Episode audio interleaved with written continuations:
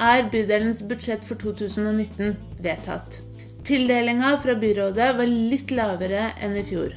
Noe kommer av at vi har ikke de utgiftene som vi hadde i 2017, og da får vi heller ikke pengene.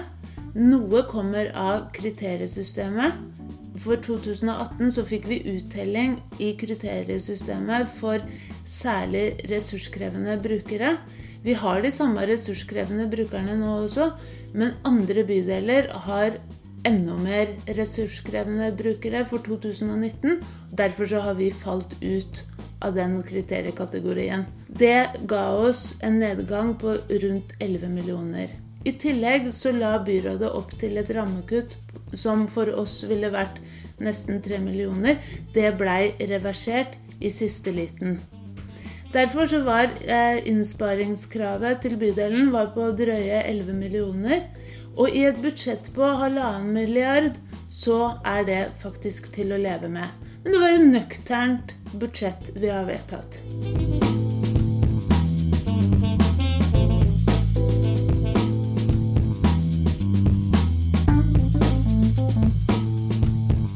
I tidligere år har det vært eh, tilknytta katastrofestemning til budsjettbehandlinga. I fjor var vi veldig letta, og i år er vi nøkterne. Eh, men vi er veldig glad for å eh, se at det er rom for eh, politiske prioriteringer. Vi er særlig fornøyd med at vi klarte å få gjennomslag for 400 000 til gratis skolemat på ungdomsskolene i bydelen.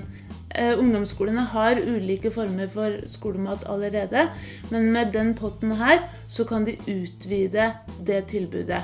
Vi er også veldig fornøyd med at Arbeiderpartiets forslag om 400 000 til fritidsaktiviteter for barn og unge i sommerferien fikk gjennomslag. Og ikke minst Miljøpartiet De Grønnes forslag om 200 000 til grønne midler og 200 000 til kontingentstøtte, sånn at vi kan hjelpe barn og unge som ønsker å være med på fritidsaktiviteter, men ikke har råd til å betale for det. Til sammen så klarte vi å flytte 1,2 millioner kroner til barn og unge i bydelen. Så noe politisk handlerom har vi faktisk i budsjettet. I tillegg så er det noe som heter verbalvedtak. Det betyr eh, vedtak som ikke koster penger, men hvor bydelsutvalget gir ulike oppdrag til administrasjonen for det neste året. SV har fire verbalforslag og ett eh, tallforslag. I SVs verbalforslag så gir vi administrasjonen i oppgave å tallfeste ufrivillig deltid innen pleie- og omsorgssektoren. Vi vet at det er mange som per i dag eh, jobber deltid uten at de sjøl ønsker det, men vi trenger å vite hvor mange det gjelder for å kunne redusere antallet. Så først vil vi ta tallfeste det, så jobbe aktivt for å redusere det. Det samme gjelder bruken av midlertidige stillinger. Vi ønsker også at bydelsadministrasjonen skal intensivere implementeringa av tillitsmodellen i hjemmetjenestene, for det syns vi har gått litt for sakte. Der trenger vi en ny giv. Tredje verbalforslaget handler om seniorer. Vi har bedt eh, administrasjonen utarbeide en kulturpolitisk handlingsplan for seniorer. Seniorer er den befolkningsgruppa i bydelen vår som kommer til å vokse mest de neste årene. Vi har derfor bedt administrasjonen om å lage en oversikt over alle eh, aktiviteter og tilbud som finnes for seniorer i bydelen. Si noe om hvordan det tilbudet bekjentgjøres for seniorer. Altså hvordan finner man fram til de ulike tilbudene. Og så ikke minst sørge for at tilbudene er tilpassa befolkningssammensetninga vår. Vi ønsker oss aktiviteter og tilbud til seniorer som har en flerkulturell profil.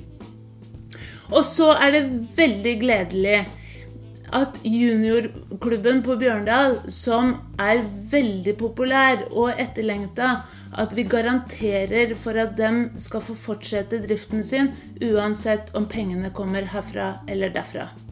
Vi må ha en garanti for at et så vellykka tiltak videreføres uh, uansett. Så er det en veldig gledelig sak. Fontenehuset er et lavterskeltilbud for mennesker med dårlig psykisk helse. Dit kan du komme på egen hånd, gjennom Nav eller gjennom et annet behandlingsprogram. På Fontenehuset så lager du ditt eget rehabiliteringstilbud. Du lager dine egne arbeidsoppgaver. Du får kolleger, du får rutiner, og du får hjelp til å komme deg videre i arbeid eller studier hvis du ønsker det. Det er to fontenehus i Oslo per i dag. Ett ligger på Tøyen, og ett ligger i Pillestredet. For fontenehusene så er det viktig å være nær medlemmene sine. De ønsker sjøl å etablere et hus i Oslo sør, veldig gjerne i bydelen vår. På siste møte i bydelsutvalget så klarte vi å få en enstemmig vedtak om at vi ber byrådet gå i dialog med Fontenehuset og sørge for at et nytt fontenehus blir etablert i vår bydel. Det er vi så glad for, og vi ønsker dem hjertelig velkommen. Og vi skal fortsette å jobbe med den saken her framover. I bydelsutvalget så kan vi også stille spørsmål til administrasjonen om bydelens tjenester. Det er et veldig viktig punkt på dagsordenen, for sånn kan vi følge med på hva som skjer i bydelen. Og hvis det er noe vi oppdager at vi trenger å rette på, så kan vi lage en sak av det seinere. I starten av desember ble det offentliggjort en rapport om skeive med innvandrerbakgrunn som viser at de har langt dårligere psykisk helse og er langt mer sårbare for overgrep enn den øvrige befolkninga. Med vår befolkningssammensetning så vet vi at det er mange skeive med innvandrerbakgrunn i vår bydel. Samtidig vet vi at det er mange skeive seniorer som har levd åpent tidligere, som går tilbake i skapet i møte med helsetjenestene når de blir seniorer. Det her er viktig å, å spørre om.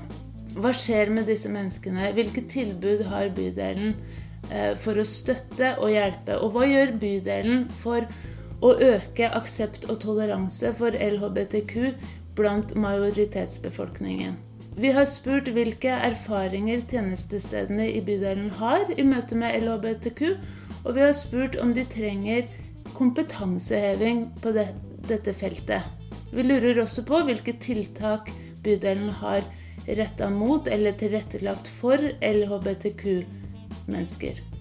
Og med tjenestesteder så mener vi da alt fra Helsestasjoner, barnehager, skolehelsetjeneste, fritidsklubber, barnevern, hjemmetjenester og seniorsenter. Da gjenstår det bare å ønske alle en riktig god jul og et veldig godt nytt år. Neste møte i bydelsutvalget i Søndre Nordstrand er 7. februar.